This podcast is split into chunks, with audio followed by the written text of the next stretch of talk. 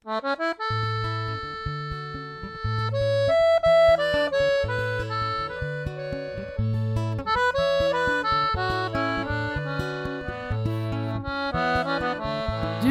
nå på en podkast fra Trondheim kommune og Dialogsenteret. Hei og velkommen til en ny episode av eh, Dialogsenterets podkast. Og nå har vi hatt en eh, del episoder om eh, barneoppdragelse, barn og barnevernet. Det, eh, dette er et veldig viktig tema for, for alle. Og, men eh, vi starta å lage disse episodene med tanke på en vandrere. Fordi vi har hørt at eh, de mange som er redde for barnevernet tar barnet deres. Vi vil forklare at barnevernet har ikke en slik plan. Og vi vil roe ned foreldre. Og det er eh, veldig mye stress når man kommer til et nytt land. Og da blir det enda mer stress når man hører eller eh, tenker at de mister barnet sitt. Og det er du som er foreldre og føler eh, så utrygg, eller du blir så utrygg på den rollen som du har, og du vet ikke hva er rett og galt, og da du mister den eh, selvtilliten som du er forelder. Og i dag vi har besøk av Øyvind eh, Kvello og Astrid Lad. Og de skal fortelle om dere selv, og eh, hva skal de snakke om eh, vår podkast i dag. Vær så god, Øyvind. Takk, takk. Eh, ja, Øyvind Kvello er navnet mitt, og til daglig så jobber jeg på Universitetet i Trondheim, NTNU. Der jeg har vært på litt forskjellige institutt, men nå er jeg på Institutt for sosialt arbeid. Og så jobber jeg i tillegg da praktisk barnevern, så da har jeg en dag i uka hvor jeg da er ute i praksisfeltet. Og det er da Lørenskog kommune som jeg da på en måte har et fagansvar i. Så det er da bakgrunnen, og så har jeg skrevet mye bøker og er veldig engasjert i dette med barnevern.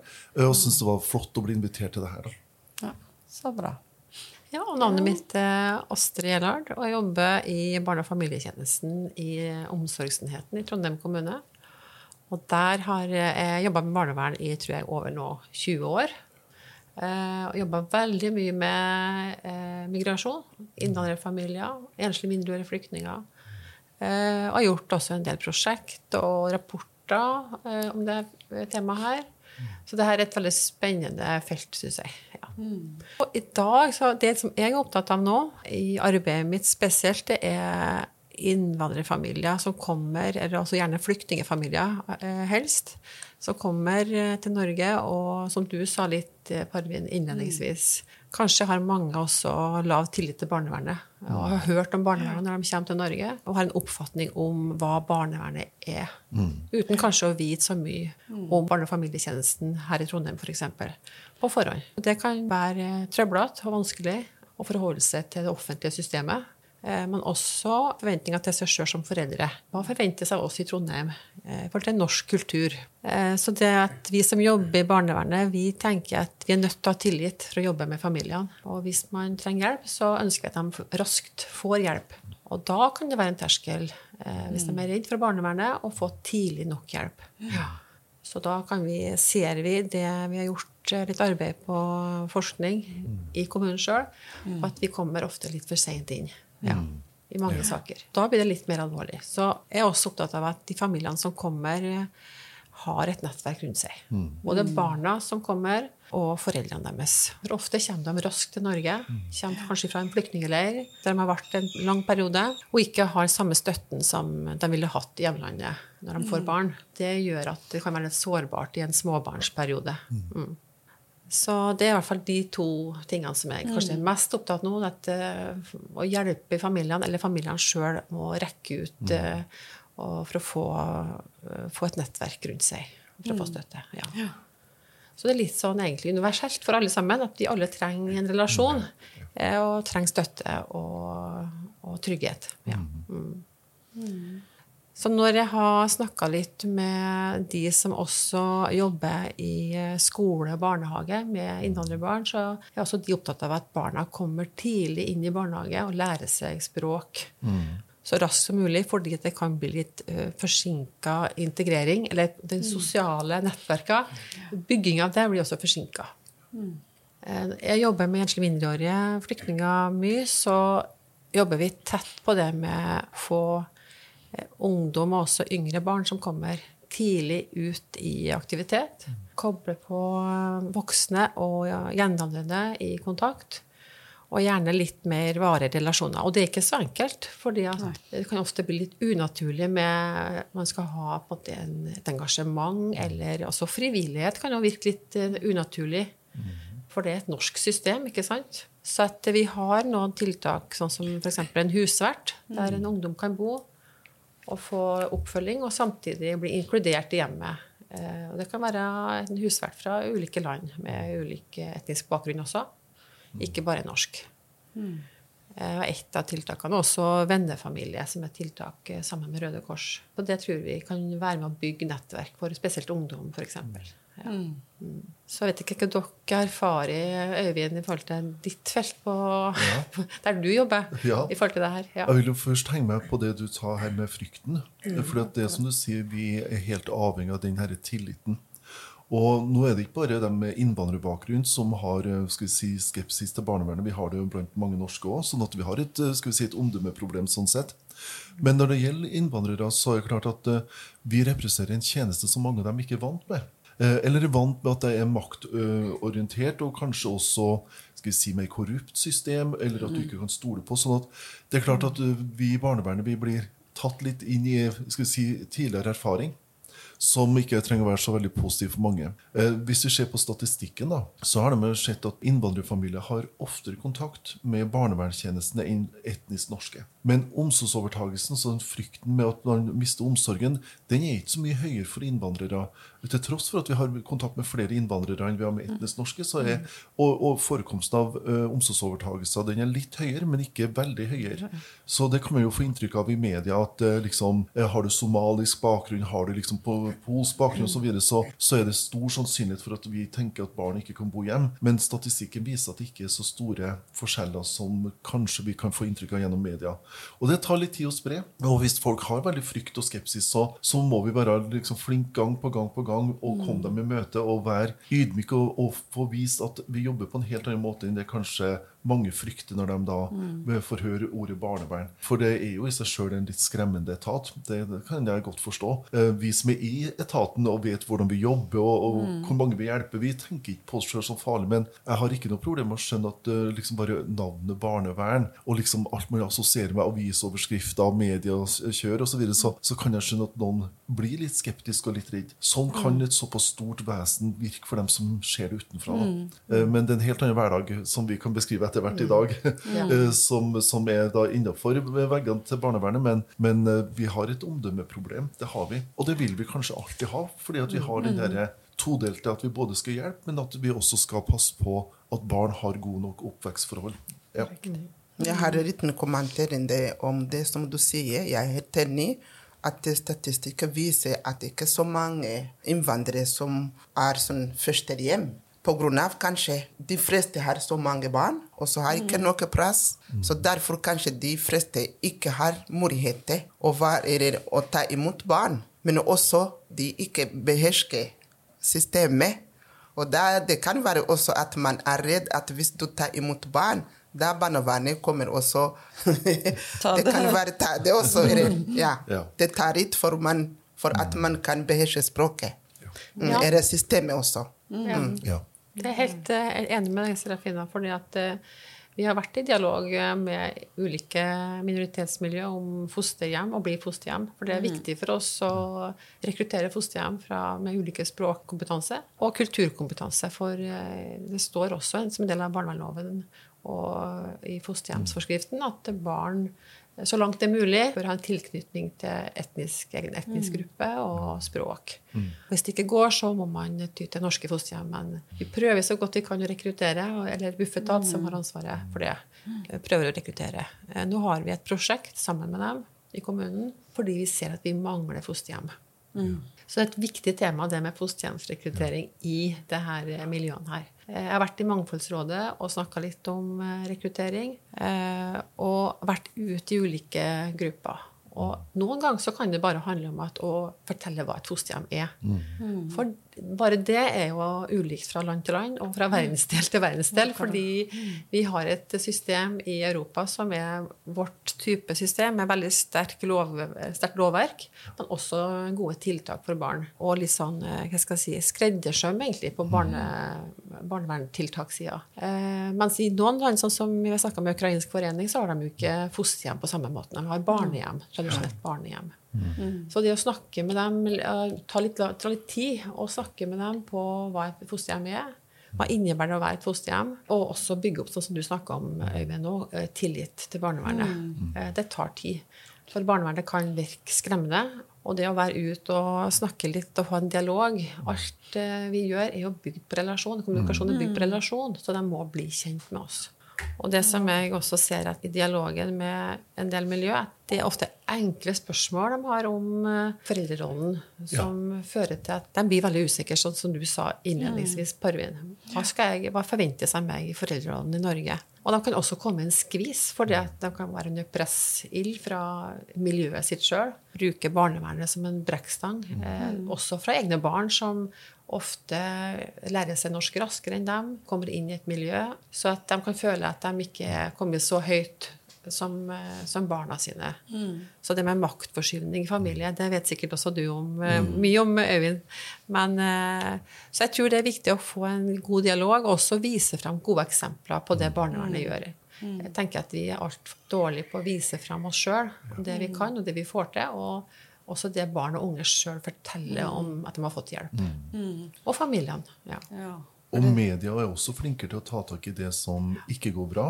Eller ja. det, det, er saker som på en måte det blir en, skal vi si, en mistillit og, og, på en måte ikke godt samarbeid mellom barnevernet mm. og familier. Mens derimot alle de eksemplene som vi har på et godt og, og fruktbart samarbeid, det har liksom ikke nyhetens interesse. Mm. Uh, jeg tenker jo sånn som du sier her nå, Astrid, at Mange kulturer er vant med at de ordner opp i familien og slekt sjøl. Mm. Så hvis mor og far ikke klarer omsorgen, så er det slektninger som tar seg av. Da er det mm. bestemor, da er det tante, da er det søskenbarn. Og andre kulturer der er det som du sier, da er alternativ hvis familien ikke klarer å ordne opp, så er det barnehjem. Ja. Og så kommer det underlige norske med fosterhjem og hele opplegget mm. som, som ikke er automatisk noe lett for familier å skjønne med annen mm. kulturbakgrunn, for det er en sånn særeuropeisk variant. da. Mm. Så jeg tenker det er noe med å spre kunnskapen det blir viktig. For jeg savner jo også, jeg har jo to ganger i år sånne fosterhjemssamlinger. Mm. Det varierer litt hvor i landet jeg er, men da er jeg jo med fosterforeldre fra fredag til søndag. Og får snakka mye med dem i løpet av samlinga. Og da er det jo veldig veldig få som ikke er etnisk norsk. Mm. Så når jeg har kanskje 150 fosterforeldre, så kanskje jeg ser to-tre som da eh, har en annen bakgrunn, og det er veldig få mm. i forhold til hvor mange vi egentlig skulle ha gjerne hatt. For som du sier, mm. det, vi har jo eksempler på barn som flytter i fosterhjem veldig små, men som ikke får språkstimulering. Og så skal de da være mye sammen med foreldrene sine på samvær og kanskje mm. tilbakeføres. Og så er det da foreldre som ikke kan formidle seg særlig på norsk, men på morsmålet, og barnet kan ikke lenger morsmålet. Mm. Og så sørger vi for at det blir også en dårlig kommunikasjon. Så det, det er viktig både for identitet, men det er også viktig for å, å rett og slett sørge for at det blir god kvalitet på samspillet mellom foreldre og barn. Mm. Og der har vi et problem når det blir mange som plasseres i etnisk norske hjem, eh, hvor du ikke får den kulturelle og språklige stimuleringa som, som, vi gjerne skulle hatt. Mm. Ja. Som vi har snakket mye, mye alle nå, eh, om tillit og kultur og barnevern og redd av barnevern og sånn. fordi så jeg har opplevd eh, ofte som når de som har en sak hos barnevern, og de foreldre eller de familier som har sak, og de er veldig Hvis det er andre saker, de kan ta opp fort med andre. Mm. Og lett å ta opp med andre. Mm. Men hvis det er sak om barnevernet, så uh, i det miljøet som de er ifra, og de er ikke så lett å si til andre, forklare til andre, eller søke hjelp fra andre at mm. når jeg har en sak hos barnevern, jeg trenger hjelp, eller hva skal jeg gjøre, hvordan jeg skal Skal jeg takke ja for den tilbudet som jeg får, eller ikke? Fordi det, de tror at jeg ikke er en bra uh, mor eller far mm. eller en godt nok foreldre. Mm. Derfor de føler seg skam. Mm. Uh, og uh, de prøver å skylde den uh, hjelpen eller den tilbudet de får, eller noen ganger de bruker ikke på en god, riktig måte. Fordi de tror at vi er ikke nok. Mm. Godt nok foreldre, rett og slett. Ja. Og det er gjenkjennbart også i norske familier, det du snakker om Ja, nå. Fordi at eh, de færreste av oss vil gjerne fortelle om eh, at de må ha hjelp av noen andre og det offentlige. Så det, det, terskelen er ganske høy for å, å si til eh, familien sin også at de mottar hjelp fra barnevernet. Ja. Så det er universelt, tror jeg, i Norge. Ja. Uh, om du er fra Afghanistan, eller om du er fra Nord-Trøndelag eller eh, Finnmark. Så det er, det er noe særtrekk der i forhold til også når vi jobber med nettverk og, og kobler på ressurs i familien. For det er ofte man sitter gjerne da alene med problemene sine, og så vokser problemene og blir større, og så klarer man ikke helt å takle det alene. Eh, Og særlig hvis man ikke har tett nettverk som er der i, eh, når man trenger det, så eh, prøver vi å jobbe mer med å koble på og bruke også ungdommen og barnets egen stemme. Hvem er det du ønsker kan hjelpe deg, som du kjenner godt og har tillit til? Og sammen med familien. Da kan det sitte ganske langt inn, men det må jobbes med. For vi tenker at skal man ha hjelp som varer over litt tid, så må man ha, gjerne bruke privat nettverk. Det er aller best. Det offentlige er jo inn bare en kort periode. Så Og så nevnte du det med status uh, til barna og uh, forrykning i familien. Det synes jeg også var interessant, for Det skjer det ene er jo at mange innvandrere opplever statustap i forhold til hvordan det var i opprinnelseslandet når de kommer til Norge. Eh, Så er det det som skjer det i familien. Som du sier, Barna lærer seg norsk og norske forhold ofte raskere enn foreldrene gjør. Og får en makt over foreldrene som, som også gjør at man blir nesten litt sånn abdisere litt. Mm. Og så er det da det her frykten for hva forventes i Norge. Hva er forskjellen på det å på en måte oppdra barn i Nigeria eller i Estland versus Norge? Og så blir det, det er mange ting som skjer i forhold til både status og makt og det å være tydelig voksen og være en god omsorgsperson som, som jeg tenker gjør at folk holder tilbake og blir veldig forsiktige og redd for, for nettopp herre, skal vi si, barnevernet og den hjelpa og hva det innebærer. Om det er også en indirekte kritikk på at ikke du har vært god nok. Ja. Som du Astrid sa, det med om nettverk, også det er jo veldig vik viktig. Fordi de fleste, de som kom fra andre land, andre kulturer og sånn, det er fra store familier, kom til Norge. Og så der det tante, onkel, besteforeldre, alle, de er sammen. Og bor sammen nesten. Og når de kom til Norge, de bare de som er barn og foreldre. Enten alenemødre eller far og mor. Så da blir alt som de skal gjøres sammen, alene, så blir det en del uh, utfordring til foreldre. Så da de er i hjemlandet, de merker ikke så mye. Og samfunnet er helt annerledes, kulturen er annerledes. Og de har ikke sånn som, her, f.eks. i Norge. Kom til Norge, helt andre forventninger av du skal være en foreldre. Og barns oppdragelse er helt annerledes. Og andre forventninger. Så da de blir litt, begynner å stresse, og kom det en utfordring, og språket Og barna lærer alt fort, som du sa, i vinter. foreldre mister den statusen. Ja. Så jeg har vært eh, far eller mor i hjemlandet. Jeg klarte å ha- den rollen, og klarte å oppdra barnet mitt. Og når jeg kom til Norge, og de sier nei, det skal være sånn og sånn. Ja. Ja, og, og litt eh, Hvis jeg kan utfordre de, de som hører på, hvert fall at eh, å strekke ut eh, og åpne døra for andre tror jeg er veldig viktig i foreldrerollen. Fordi at eh, det er foreldrene som er din som eh, bygger nettverk sammen med sine barn, for sine barn. Eh, som man kaller en nexus-person. Og når man kommer og har ungdom i 14-16-årsalderen eh, og er voksen sjøl er et helt nytt land, eh, har revet opp alle røttene der man kom fra, og skal bygge og bygge på nytt, så er det ganske utfordrende det å bygge seg nettverk. Så både for ungdom og også voksne. fordi ungdommene kommer på en skole, og der har man allerede De som går der fra før, har sine nettverk. Så å komme inn som en ny person inn i andres nettverk, det er ganske trøblete noen ganger. Og foreldrene, Men det er mange ressurssterke som, som virkelig ser det her, og som tar tak i livene sine, og som eh, oppsøker religiøse organisasjoner og grupper, kommer seg ut i aktivitet og får ungene ut i aktivitet og, og sikrer det her. Men det er ikke enkelt. Og, og bare for meg som kommer fra i Norge og flytta til Trondheim for mange år tilbake, bare meg med mine barn eh, som snakker samme språk Jeg hadde brukt lang tid på å få meg et nettverk her, og mine barn også. Ja. Så at det, det er også noe som er universelt, ikke bare for innvandrerfamilier. Mm. Når det gjelder eh, tillit og nettverk. Eh, det er noe som tar lang tid. Men man kan bygge nettverk og ha mange rundt seg. Men eh, når det gjelder tillit, som Parvene sier, du kan ha mange rundt deg, men tillit det er noe som er ikke rett å bygge med en gang. Nei. Også de fleste som kommer, har hørt ord barnevernet. Ja.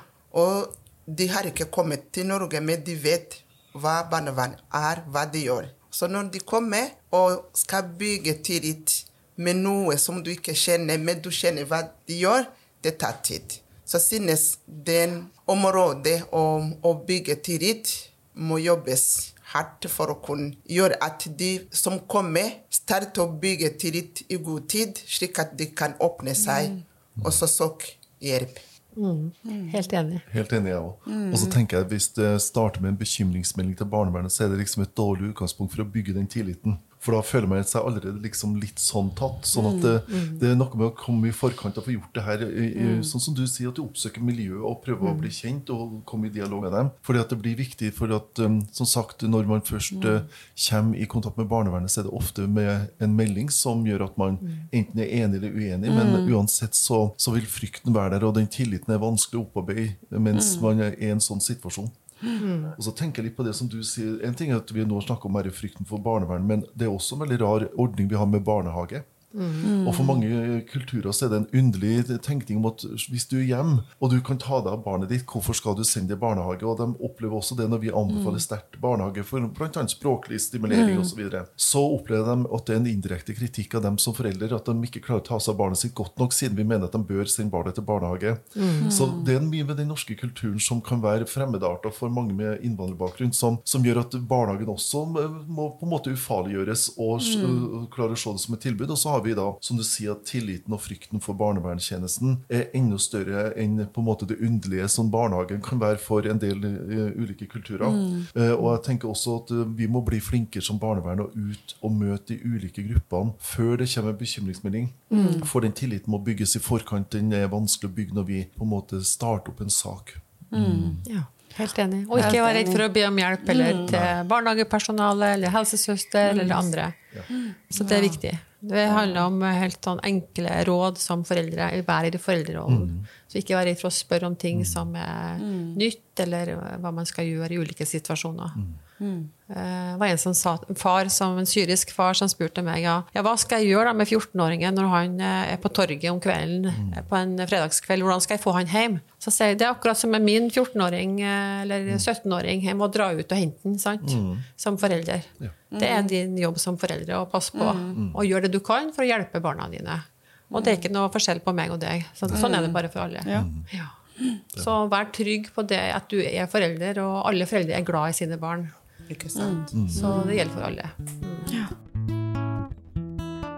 Jeg vet at en del i Oslo, Alna bydel og en del andre hvor det er ganske mange innvandrere som bor, de har jo veldig sånn god erfaring med noe som heter ICDP for innvandrere. Der er det en, morsmål, en som kan morsmålet, som også formidler hva er det liksom vanlig med barneomsorgen i Norge. Hva er det som forventes, sånn at det gjør oss mindre farlige? For at det blir jo mye frykt, og det blir mye fantasier. Som du sier, vi har hørt om barnevernet, og, og hvis ikke du gjør det på den og den måten, så kan du risikere. Så det er noe med å bruke sånne metoder. Det har jo ofte da vært en fra barnevern pluss en fra helsestasjon eh, som har stått for de kursene, og det har vært veldig populært, vet jeg, i de bydelene i Oslo med høy eh, grupp, eh, andel av innvandrere. Men eh, det er jo én måte, men vi må ha flere kanaler. Og for å bygge denne tilliten som du snakker om, så må vi nok bruke flere kanaler enn bare den. Så Ja. den eh, SDP eh, som du nevner, Øyvind, eh, vi har og heldigvis i Trondheim òg. Ja. Ja, det er som eh, når de særlig nyankomne flyktninger som kom til Trondheim, og de får den eh, tilbudet fra oss på kvalifiseringssenter for innvandrere, så jeg er en av de veiledere. Ja. Så, bra. Ja. Og hvis du blir fosterhjem, så får du også kurs eh, hos oss eh, i omsorgsenheten. F.eks. trygg basekurs. eh, Det å være fosterhjem til et barn som kanskje har opplevd en del vanskelige ting i oppveksten. eh, For å gjøre fosterhjemmet bedre som foreldre for det barnet.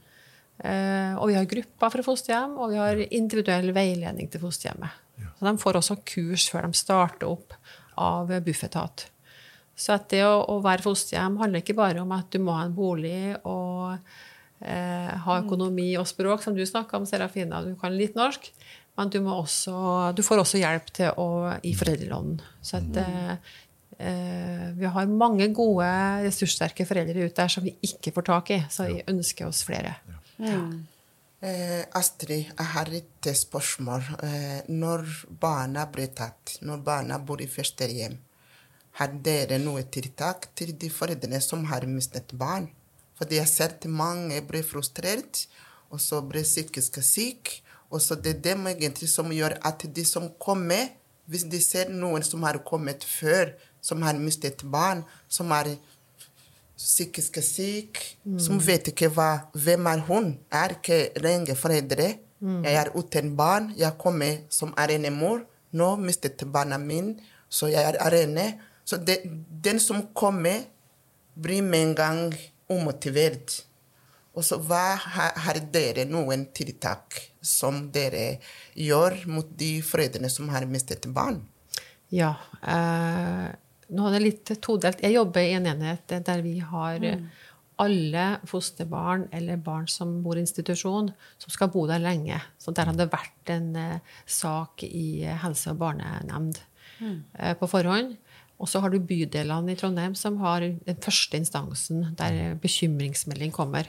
De, du sakene, de sakene du snakker om, Serafina, nå, og det skal ganske mye til for at man tar omsorgen eh, fra et barn.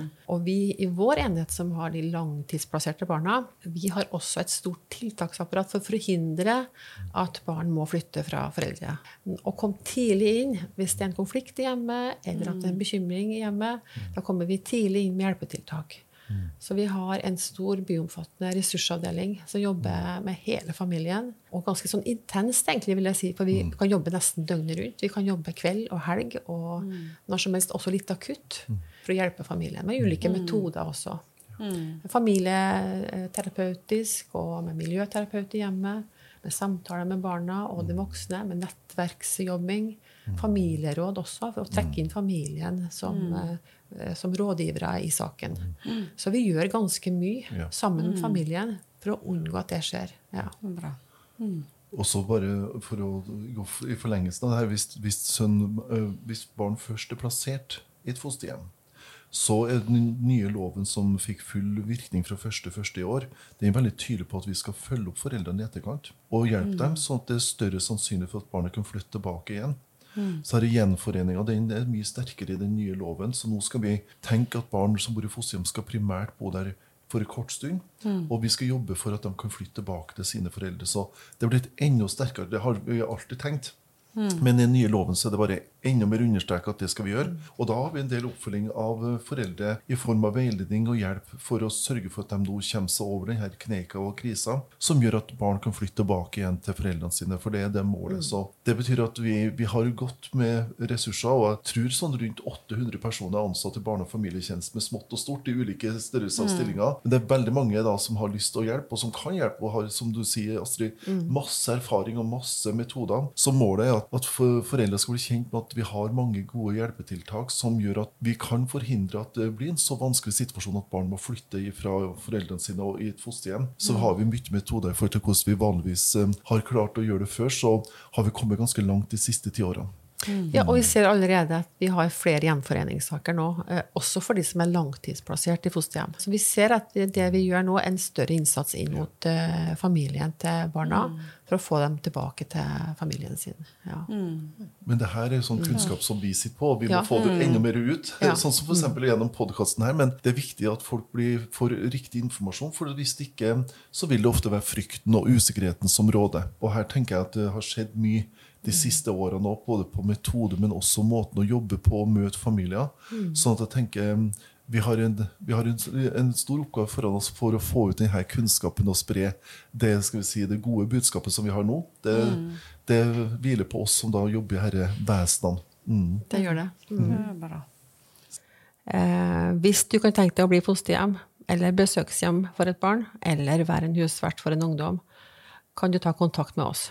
Og vi ønsker eh, fosterforeldre som har forskjellige bakgrunn, eh, med ulik språk, Og vi ønsker også fosterforeldre som gjerne har flyktningbakgrunn sjøl, i forhold til enslige mindreårige flyktninger som kommer. Det gir ekstra tillit og en god relasjon. Så ta kontakt med oss i Trondheim kommune eh, ved Omsorgsenheten på telefon 72 54 22 40. Ja, da er det på tid å runde av oss i dag. Tusen takk at dere kommer, du Astrid og Eivind. Dere kommer tilbake i studio til oss, for vi har mye mer å snakke om. Vi klarer ikke å fatte å snakke om det som vi skulle snakke om. Nei, det gjør vi ikke. Kjem gjerne tilbake. Takk for at du ble invitert. Takk, takk for meg. Mm. Til våre rettere, fortsett å følge vår podkast på Spotify og Soundcloud. Og hvis du har kommentarer eller forslag til tema, så kontakte oss på 90 57 36 84. Du har hørt en podkast av Dialogsenteret i Trondheim kommune.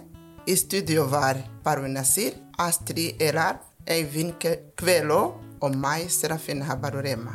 Produsent og teknisk ansvarlig Anna Knutsen. Musikk av Sunniva Sjøstad Hovde og Rosha Volle.